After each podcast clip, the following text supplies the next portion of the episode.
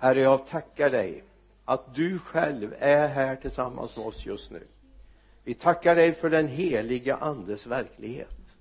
Vi tackar dig för att vi får leva i det flödet idag. Herre tack för att det inte är någon ny erfarenhet för oss utan herre vi bara tackar dig för att vi får finnas där.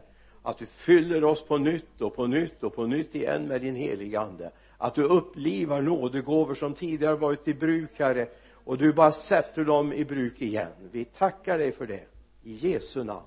Amen. Och jag hoppas du har med dig bibeln. Vi har lagt ut så du har har en eh, innehållsförteckning där. Så att du också kan hitta i bibeln.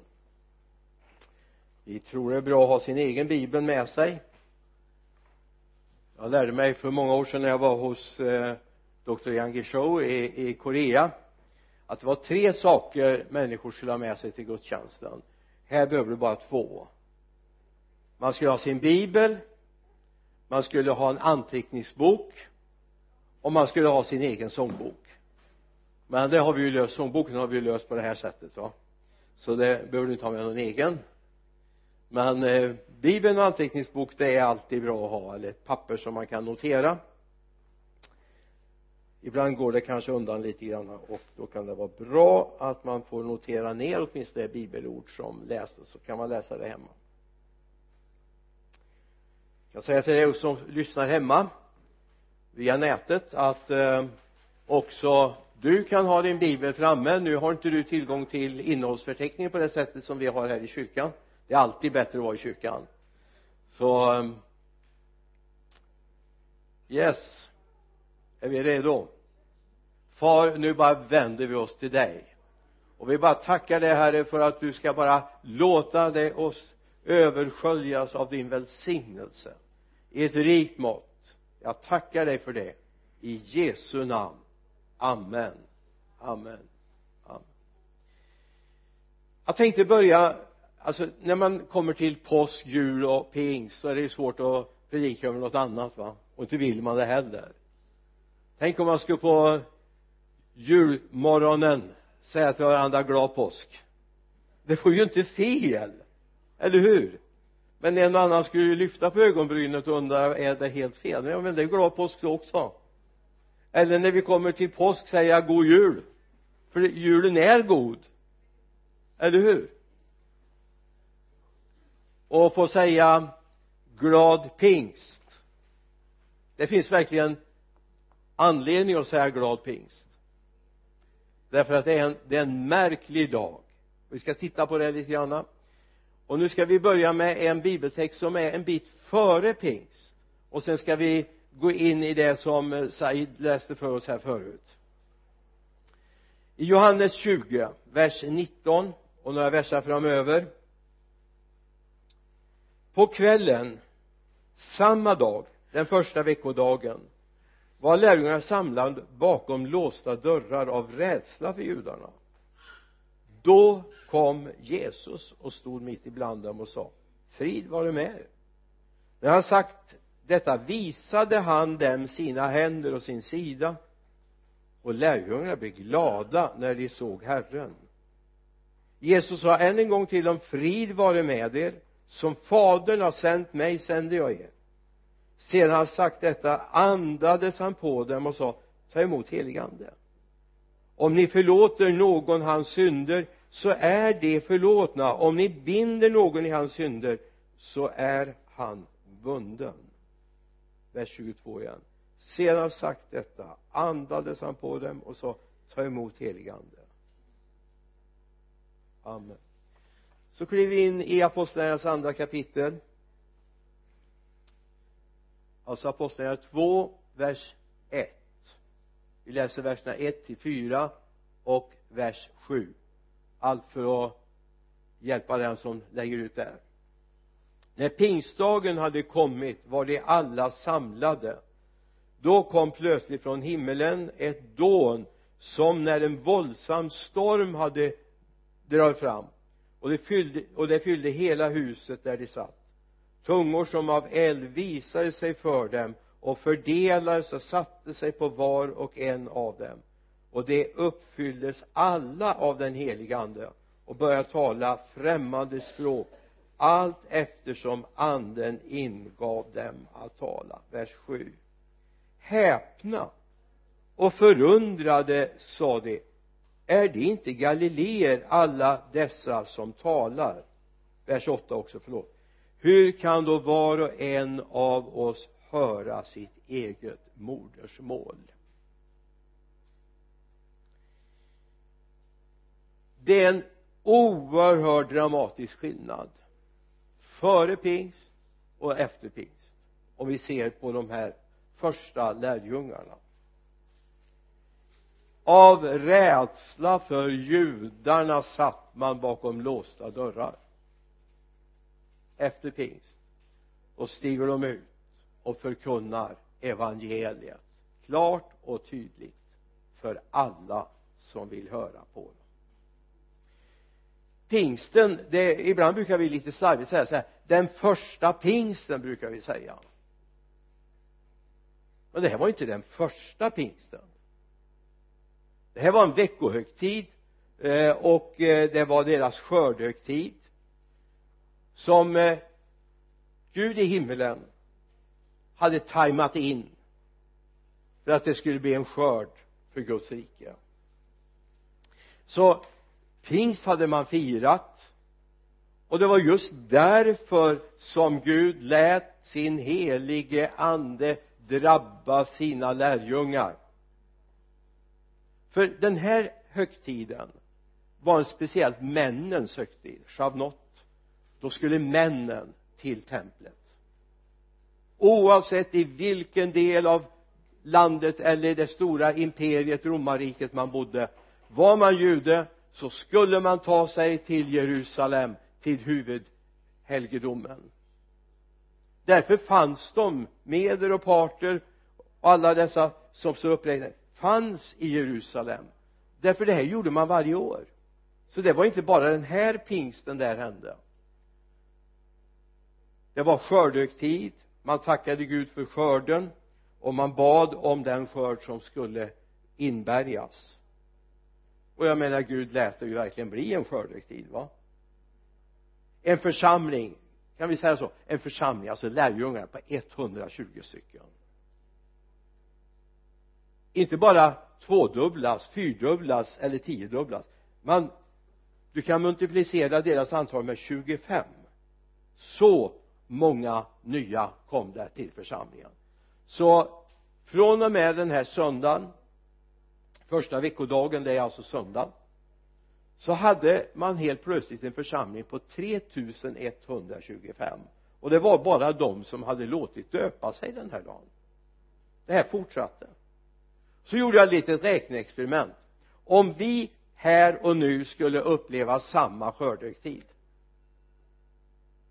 om vi skulle göra det då skulle vi helt plötsligt vara 1500 1600 imorgon 1500 1600 kan du tänka dig det?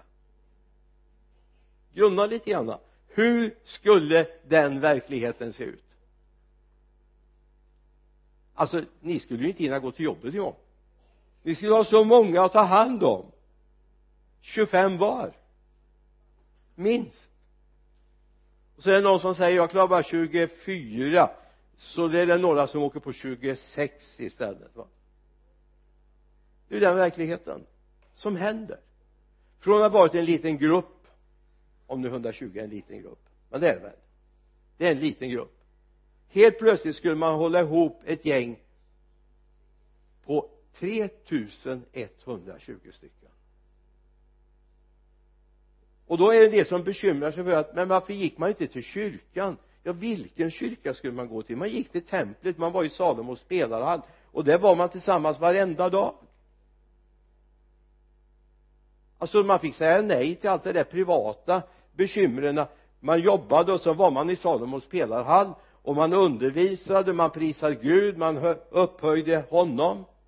Och så var man till glädje för folket och bekymmer för fariseerna det var lite oordning i templet. Därför man var tvungen att samlas någonstans. Och så gick man hem till hemmen och så bröt man brödet och prisade Gud. Härliga tider. Yes. Mer sånt, eller hur? Kan du ta in det i din tankevärld jag är inte säker på att lärjungarna kunde det heller. När vi tittar på reklam ibland så kan vi se till exempel någon som har varit hos en stylist och så får man en bild före och så en bild efter. Eller någon som kanske kände att den behövde gå ner i vikt och så har den gått på någon av de här propagandarna om eh, viktväktare eller vad det nu kan vara och så får man då en bild i reklamen före. Och den var ju inte så attraktiv. Och så såg man ut som en filmstjärna efteråt va? Man är ju inte säker på hur mycket det var photoshop som grejade här men reklamen säljer ju. Eller man kan se bilder på ett hus som renoveras före och efter, eller hur? Men det finns ju sådana här program i tv man visar hur det såg ut innan man började röja där. Och sen så ser man hur det såg ut efter men det finns också någonting i den andliga världen som inte är fejk utan reellt. Titta på lärjungarna före av rädsla för judarna till efter. Då vill de tala om för alla den Jesus som ni lät korsfästa med dem som var utan lagen honom har Gud gjort till både Herre och Messias. Han var det. Fanns ingen rädsla för judarna längre. Utan det brände till i judarnas hjärtan istället. Och de sa bröder vad ska vi göra? Och det är då Petrus säger omvänd er och låt er alla döpas i Herren Jesu namn apostlagärningarna 2.38 det finns ett före och ett efter.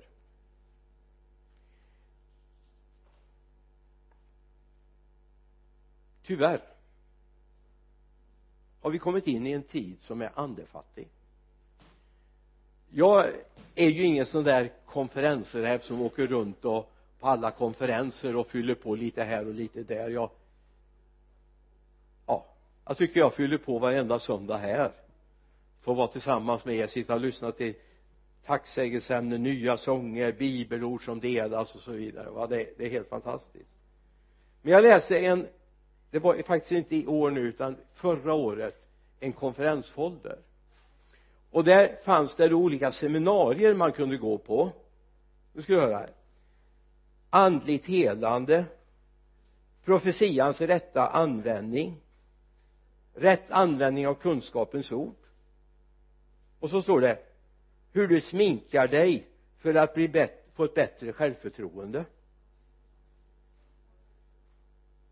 Hur du klär dig rätt med rätt associarer för att känna dig up to date. Hallå vad sysslar vi med? Det här var en av de större konferenserna i vårt land vad sysslar vi med? Vem är det som ska ge oss ett självförtroende? Ja inte är det genom att vi vi klär oss rätt. Eller sminkar oss på rätt sätt. Vad det står? Det var inte genom hårflätningar och fina kläder utan det var genom hjärtats renhet. Var inte det det stod alltså någonstans så har vi rört ihop det här. Och jag tror att man i på ett sånt konferens och dess seminarier varken kan lära sig att profetera rätt eller att leva ett andligt helande. Därför jag tror Guds ande har flytt för länge sedan. Han har slått igen dörren och gått därifrån. Jag har varit chockad en så påkostad folder. Så jag var tvungen att titta och se är det något, något eh, new age i det här eller? Nej det var faktiskt ett kristet samfund som hade skrivit under. Inte något av de större men ändå ett som har haft vad ska jag säga anseende. Vad är det här? I dagarna hölls en sån konferens i en kyrka i vårt land där man också hade mannekänguppvisning. Hallå? Vart tog pingsten vägen? Vart tog Jesus vägen?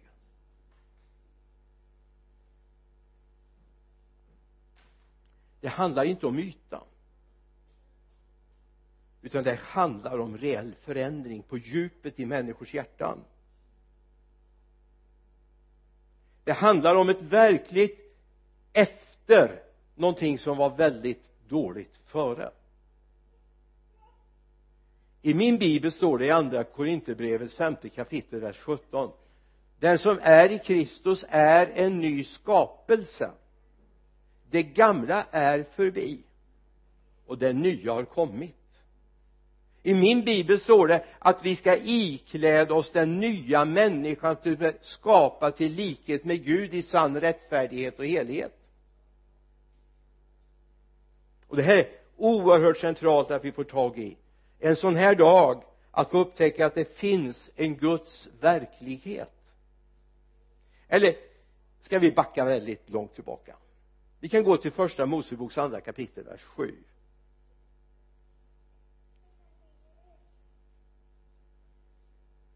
det står det faktiskt vad Gud gjorde. Och Herren Gud formade människan av stoft från jorden och blåste in livsanden i hennes näsa. Så blev människan en levande varelse. Alltså tro mig jag är helt övertygad om att det Gud hade åstadkommit när han formade människan överträffar det någon människa kan producera eller forma. Jag är helt övertygad. Jag tror Gud är en av de mest för att inte säga han är den mest fantastiska designer som finns. Det är bara att ställa dig framför en spegel skulle jag säga. Och jag menar titta på varandra. Vi är ju inte så där vi är ju inte lika som bär precis va? Möjligtvis med blåbär och ett lingon men eh, vi är inte speciellt ändå är vi övermåttan underbara. Eller hur? I Guds ögon och vi borde vara det i varandras ögon också, eller hur? Vi är övermåttan underbara. Han, denna fantastiska designer har skapat någonting. Varenda funktion finns där utom livet. Varenda funktion. Varje sena, varje ben varje muskel finns där. Men livet saknas. Gud var inte nöjd med att han hade gjort någonting underbart. Ja, men han kunde ju ha tänkt så här, jag tar Adam och så reser jag upp honom sätter honom med stöd här så alla kan se vilken underbar skapelse jag har gjort. Ibland får jag en känsla av att det är så kristna tycker att det ska vara. Men det var inte det som var tanken. Tanken var att han ville ha en samarbetspartner. En som var honom lika står det till och med. Vi är skapade till Guds avbilder. Så när du gnäller på ditt utseende någonting så kanske dämpa ner det lite grann eller du ska gnäller på ditt sätt. Gud varför har du inte gjort mig sån här för? Jo därför Gud ville ha dig sån. Precis som du är nu. Därför du är hans avbild. Hemligheten var att han fick böja sig ner Gud. Han blåste in livsande i sin skapelse. Vad är det Jesus gör? Det är några dagar eller tio dagar drygt eller inte mellan tio åtta och tio dagar före så böjer han sig ner liksom och blåser in livsanden i lärjungarna. Han har under tre år format han har skapat saker i dem de har fått praktisera. De har fått varit ute och upptäcka att till och med de onda andarna. Lydde dem när de nämnde hans namn?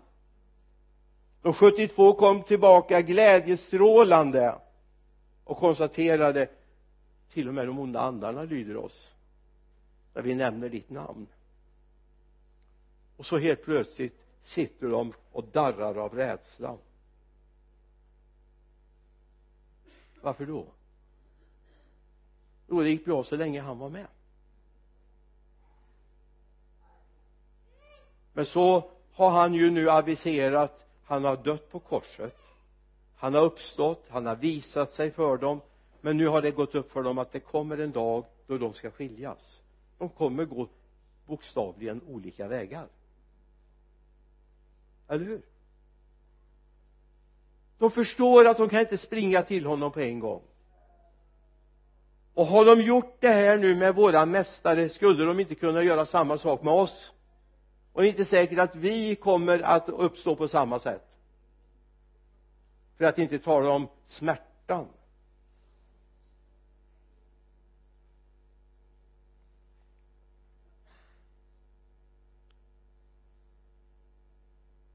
Det är då det kommer in.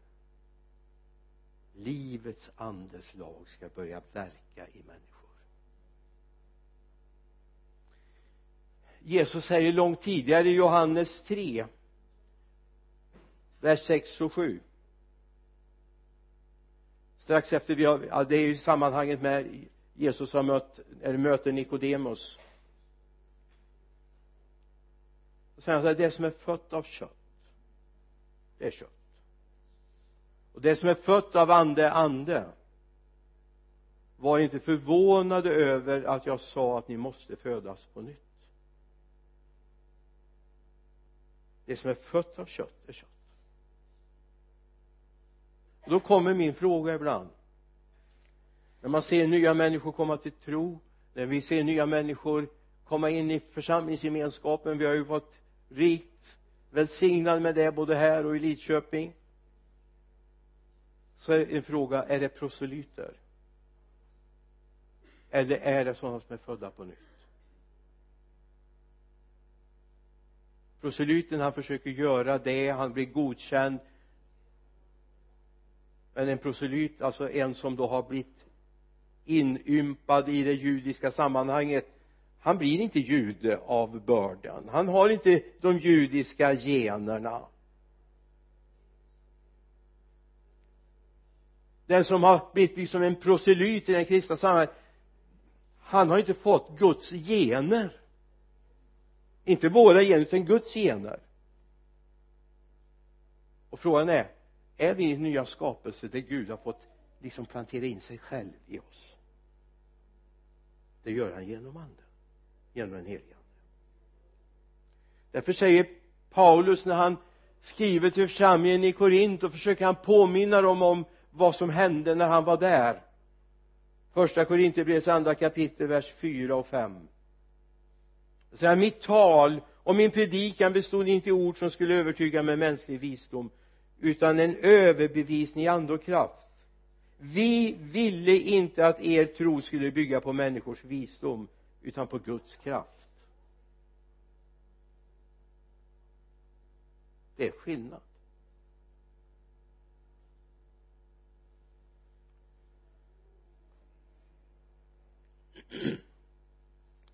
det finns några saker som vi bör ha med oss som kristna inför den här dagen.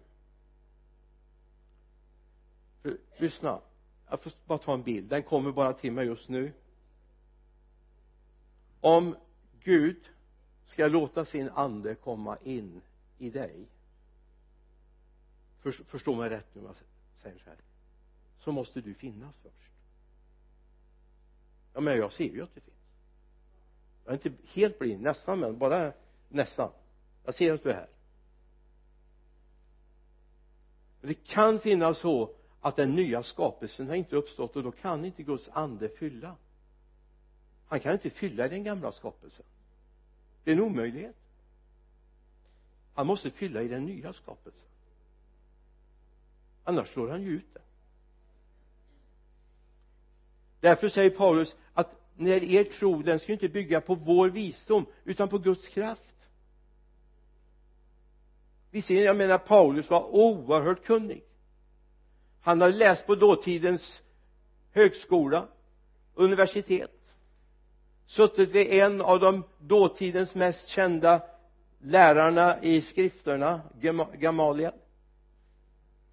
Han är omnämnd i många skrifter utanför bibeln också. Där hade han suttit han kunde lagen. Han hörde till det yppersta partiet bland fariseerna. Och då skulle man kunna lagen utan till. Det du. Han skulle kunna även eh, Moseböckerna alltså. Skrifterna. Och han skulle kunna lagen och han skulle kunna profeterna utan till.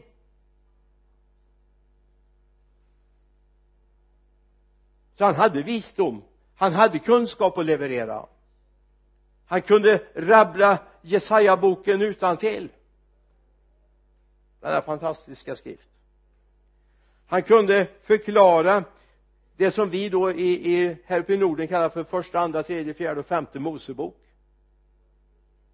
Han kunde det. Men det var inte det han ville. Han ville inte liksom slå dem med häpnad över den kunskap han hade. Utan han hade ett behov av att det var ande och kraft som födde dem på nytt.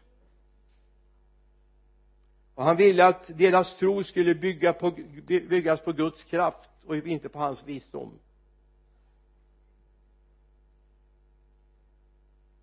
Johannes evangeliets femte kapitel vers 24 här, här finns en oerhört viktig punkt för att vi ska få en möjlighet att förstå vad pingsten handlar om. Vad som är grunden för att pingstverkligheten ska bli en verklighet i våra liv. Där säger Jesus amen, amen säger jag er. Den som hör mina ord och tror på honom som har sänt mig han har evigt liv och kommer inte under domen utan har övergått från döden till livet. Jag var död men se jag lever. Det sa Jesus och det kan vi säga. Eller hur? Vi var döda i våra synder vår skilsmässa från Gud. Han har fött oss på nytt och vi lever med honom.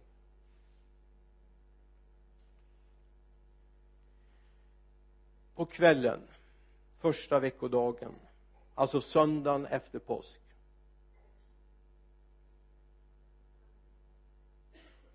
så satt lärjungarna rädda förfärade oroliga. Johannes 20.19 på kvällen samma dag den första veckodagen var lärjungarna samlade bakom låsta dörrar av rädsla för judarna.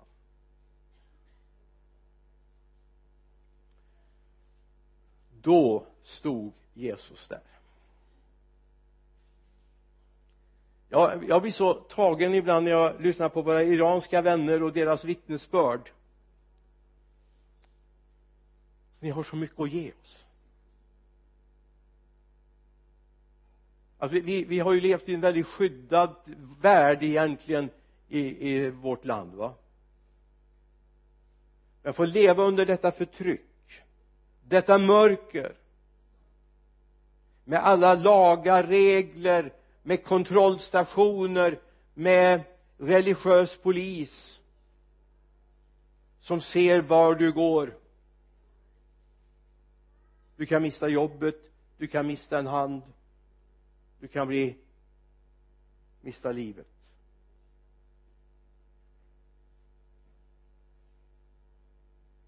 Och så ser jag att man kan få lyftas ur detta och få lära känna Jesus. Alltså det är så fantastiskt wow det här tar vi ju nästan för självklart. En del av oss är ju uppvuxna mitt i den kristna gemenskapen och, och gått in och ut i kyrkan sedan vi bars dit va? Jag vet ju att nu är det inte så för de flesta av er. Ni är, ni är inte i den sitsen som jag och Birgitta har varit. Suttit inklämd på väckelsemöten mellan mor och far och hört hundratals predikningar.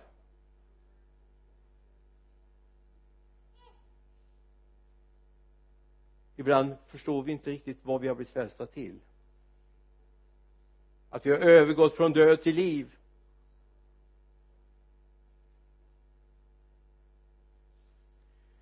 När de sitter där så kan man ju inte säga att de var precis oförfärade. Jag tror inte Petrus satt där och så sa han bröder kommer ni ihåg vad som står i psalm 31 vers 25 var starka och frimodiga i era hjärtan. Jag tror inte det. Och jag tror inte Thomas han var ju inte med första gången Jesus kom men han hade varit med där. Och han liksom missa den där märkliga tillvaron när Jesus kom. Jag tror inte han sa det men bröder det står i psalm 27 hoppas på Herren. Var starka och frimodiga i ditt hjärta. Jag väntar på Herren. Och så stod jag och knackade på dörren och så kom Jesus eller? Jag tror inte det. Jag tror inte det var läget. De var oroliga.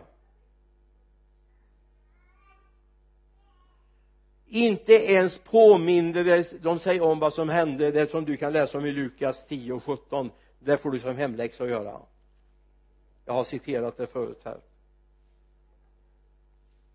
Det var ju där den där anteckningsblocket skulle vara så bra nu då. Utan det var en skrämd skara som satt där.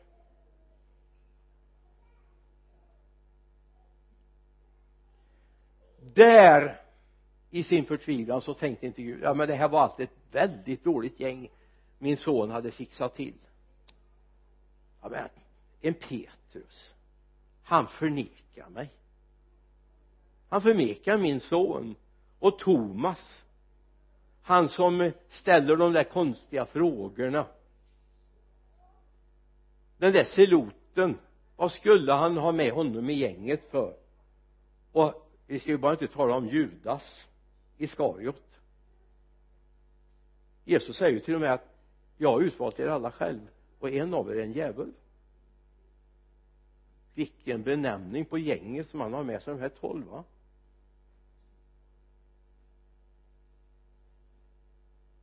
Alltså det var liksom inte det hippa gänget som han hade med sig de här som stod i tro. Du vet det är sådana inneuttryck man ska stå i tro för saker. Jag står inte i tro jag lever i tro. Jag är uppfylld av tron i mitt hjärta. De här förändrades. Därför det kom en pingstdag emellan. Det kom en händelse. Det var inte bara en känsla de hade. Det var dån, det var eldslågor. Det var en kraft som sprängde de här fängelsets gränsgrindar som fanns där för dem. Och vet du vad de började tänka på? Och det gör varenda en som blir uppfylld av den helige ande det är de börjar tänka på de som är utanför. De som inte har hört. Det finns en annan trend av andlighet också. Det är de som alltid tänker på att man ska få mer. Det är de här som vill ha en godispåse istället för helig ande de förstod för Gud öppnade deras ögon och förstod men de andra går ju förlorade. De andra kommer missa tåget och kommer inte med till himlen. Det händer i deras hjärtan. Därför träder Petrus fram. Vi läser det i andra kapitlet i apostlagärningarna vers 22 och framåt. Då står han där bland dem som de förut var rädda för. Israeliter lyssna till dessa ord. Jesus från Nasaret var en man som Gud bekände sig till inför er genom kraftgärningar under och tecken som Gud genom honom utförde mitt ibland er så som ni själva vet. Efter Guds fastställda plan och beslut blev han utlämnad och med hjälp av dem som är utan lag spikade ni fast honom på korset och dödade honom. Men honom har Gud uppväckt och löst i dödens vånda eftersom det inte var möjligt att han skulle behållas av döden. Yes alltså när de gör denna märkliga fantastiska underbara ja du kan använda hur många superlativ du vill. Upplevelse. Så är inte deras första tanke. När är nästa konferens? Oj när är nästa tillfälle vi kan få göra en sån där andlig kick? Utan deras första tanke vad gör vi med de som är utanför? De vi har varit rädda för förut. Vad ska vi göra? Resultatet blir 3000 nya troende. På en dag har en kollega han sa kanske med lite skämt och lite allvar. Han sa det Petrus höll en predikan och 3000 blev frälsta. Jag har hållit 3000 predikningar och jag vet inte om någon har blivit frälst. Det är eftertänksamt eftertänksamt tänkvärt. Eller hur? Alltså den helige ande för oss ut till dem som behöver honom. Rädslan förvänds i frimodighet. Att vi blir oförfärade och vi vågar. Likadant var det med Paulus alla vet vi ju vad hans ärende var. Han var ju inte på missionsresa till Damaskus åtminstone inte åt Jesus. Eller hur? Du har det i apostlagärningarna 9 och jag har tänkt på vad, vad Gud säger till Ananias den lärjunge som bara nämns den här gången i bibeln. Men han har ett viktigt, viktigt, viktigt ärende, eller hur? Vers 17 någon vers framöver. Ja vi kan läsa till vers 22 då gick Ananias. När han kom in i huset la han händerna på honom och sa Saul min broder Herren Jesus som visade sig för dig på vägen hit han har sänt mig för att du ska kunna se igen och uppfyllas av den heliga ande genast var det som fjäll föll från hans ögon och han fick sin syn och blev döpt. Sedan åt han och fick nya krafter.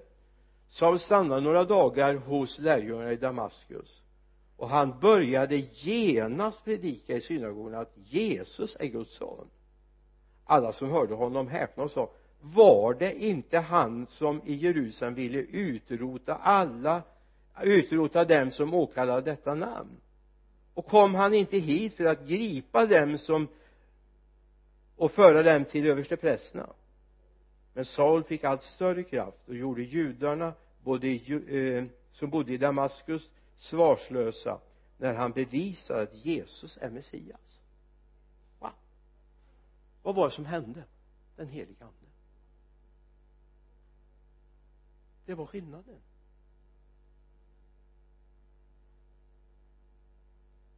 Det var ingen sån där omvändelse under galgen eller något sånt utan helt plötsligt gick det upp för honom men Jesus han finns ju. Han lever ju. Han talade med mig när jag var där ute på Damaskusvägen. Han hade ett ärende till mig. Och så talar Herren med Anania och säger du måste gå till honom och säga vad det är som ska hända med honom nu. Du ska lägga händerna på honom så ska du tala om för honom att jag som visade sig för honom på vägen. Jag har sänt dig för att han ska få sin syn och bli uppfylld av helig ande. Och det är kanon alltså. Både blindheten i de fysiska ögonen och blindheten i hjärtat det är väldigt bra vet du. För den heliga ande ger att du tappar den där blindheten och får din syn i ditt hjärta. Ni vet ju att jag brottas ju med mina ögonproblem och jag är så otroligt less det, det ska jag ärligt erkänna. Men samtidigt är jag så tacksam. Jag har inte tappat mitt hjärtas ögon. Och inte mitt hjärtas öron. Utan någonstans känns det som det har skärpts ännu mer. Ännu mer. Därför att den helige ande har blivit en ögonöppnare för mig. Och jag ser det många andra inte ser. Jag hör det många andra inte hör. Därför att Gud kommunicerar med mitt hjärta hela tiden. Gud talar till mig.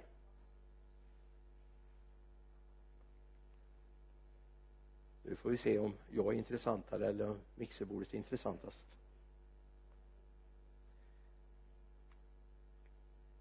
I Johannes 14 säger Jesus vers 16 21 och jag ska be fadern och han ska ge er en annan hjälpare som alltid ska vara hos er. Sanningens ande som världen inte kan ta emot. Ty världen ser honom inte och känner honom inte. Ni känner honom eftersom han förblir hos er och ska vara er. Jag ska inte lämna er faderlösa jag ska komma till er. Ännu en kort tid och världen ser mig inte längre. Men ni ser mig ty jag lever och ni kommer att leva. Den dagen ska ni förstå att jag är i min fader och att ni är i mig och jag i er. Amen. Den dagen skall ni förstå. Lyssna. Jag på att säga nu tar vi det lite lugnt här. När var det vi skulle förstå? När vi har pluggat fyra år på universitetet? När vi har läst teologi i 15 år. Nej det är jättebra. Det är jättebra. Plugga på. Det stod han, alltså fadern, ska ge er en annan hjälpare som alltid ska vara hos er. Sanningens ande som världen inte kan ta emot. När sanningens ande får drabba våra hjärtan då kommer vi se det du inte ser med dina mänskliga ögon.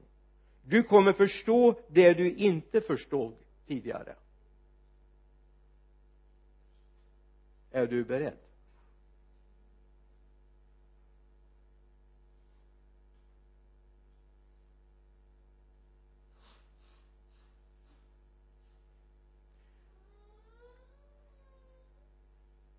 En liten story. Jag läste den faktiskt på facebook så jag är inte alls säker på att den är sann. Kanske du har läst den också. Det är en pappa som åker tåg med sin eh, ganska vuxne son. Och får sonen står och trycker sig mot rutan på tågkupén.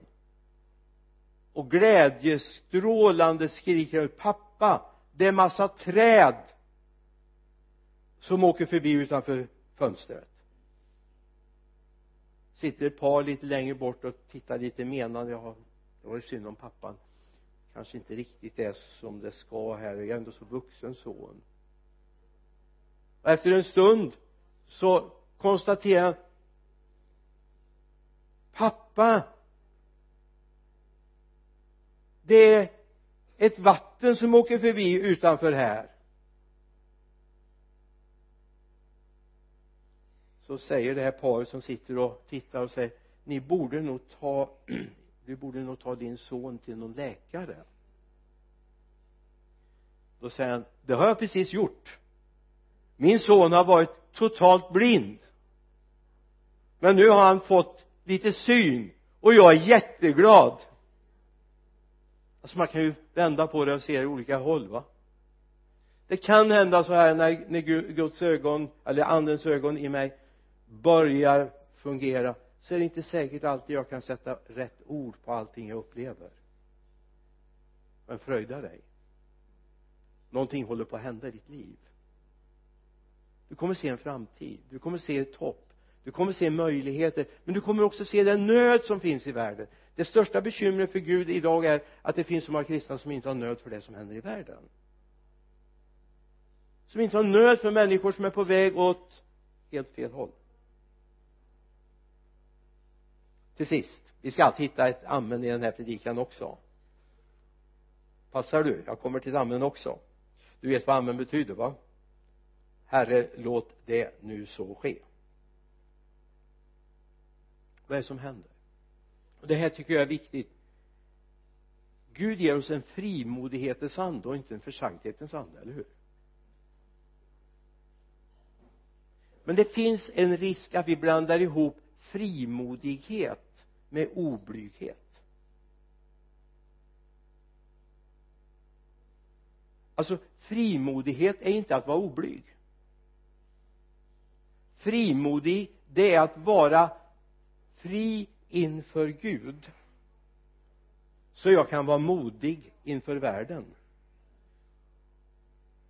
Det är när jag kan säga så långt jag vet Gud så finns det ingenting oss emellan som skiljer mig från dig. Så långt jag vet finns det ingenting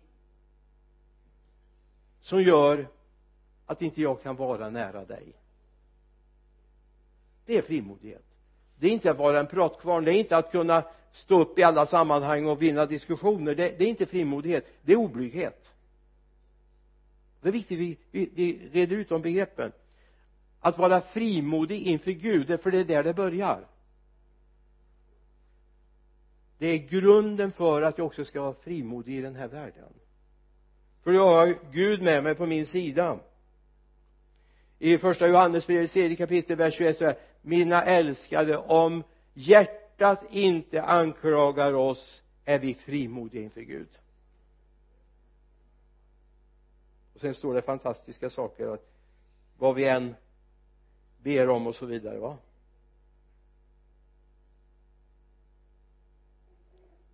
I psalm 34 vers 6 står det de som ser upp till honom strålar av fröjd och deras ansikten behöver inte behöver ej rodna av blygsel.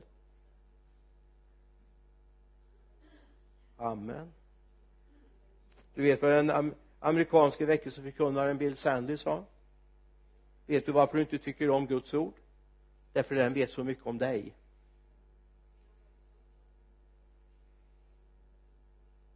Den vet så mycket om dig. Det finns en bön som jag många gånger har fått gjort som min bön. Det finns i psalm 51 vers 12 skapa i mig Gud ett rent hjärta och ge mig på nytt en frimodig ande. Skapa i mig Gud ett rent hjärta och ge mig på nytt en frimodig ande. Kom ihåg att frimodighet och ödmjukhet är inte det motsatser det är varandras förutsättningar. Ödmjukhet är en väldigt bra grund för en frimodighet. Ofta så liksom lägger vi det i vågskålarna emot varandra i vårat västerländska tänkande så är ödmjukhet är lite grann av svaghet och sådär. Frimodighet. Och då talar vi om den andliga och kristna frimodigheten. Det hör till styrka. Men frimodighet hör till ödmjukhet. Och ödmjukhet hör till frimodighet. För det handlar först och främst om att ödmjuka sig inför Gud inför hans syskon och i den här världen det var lite grann av det som fanns på mitt agenda idag. Jag säger lite grann. Hoppas du hängde med en liten stund i alla fall. Jag ska bara avsluta med ett bibelord vi läste alldeles nyss i första Korinthierbrevets andra kapitel verserna 4 och 5 och mitt tal och min predikan bestod inte i ord som övertygar med mänsklig visdom utan genom en undervisning i ande och kraft. Vi ville inte att er tro skulle bygga på människors visdom utan på Guds kraft. Amen. Herre nu ber jag att det här ska få landa. Herre vi ber att det inte här ska vara någon quick fix. Utan vi ber herre att det här ska vara någonting som får verka djupt in i oss vartill du hade sänt ut det här. Herre vi tackar dig för en pingstverklighet. Tack för att du lät din heliga ande komma och utgjutas över allt kött tack för var och en som öppnar för den. Som vi är beredda att omänd, omvända sina hjärtan mot dig och låta den heliga ande vara den som styr. Jag ber om det i Jesu namn. Amen. Jag bara funderar på hur har du det egentligen? Jag hade en kollega han sa alltid så här hur är det i verkliga livet? Hur är det? Innan jag upplevde den helige ande så skulle jag kunna ha ett bibelstudium om det. Jag kunde varenda bibelord. Visste precis alltså jag skulle kunna ha en väldigt systematisk undervisning om den helige ande. Men jag levde inte i det. Jag levde inte i det. Jag trodde att jag levde i det. Jag trodde att jag hade det. Men en dag gick det upp för mig. Jag kom in i en kris och behövde hjälp.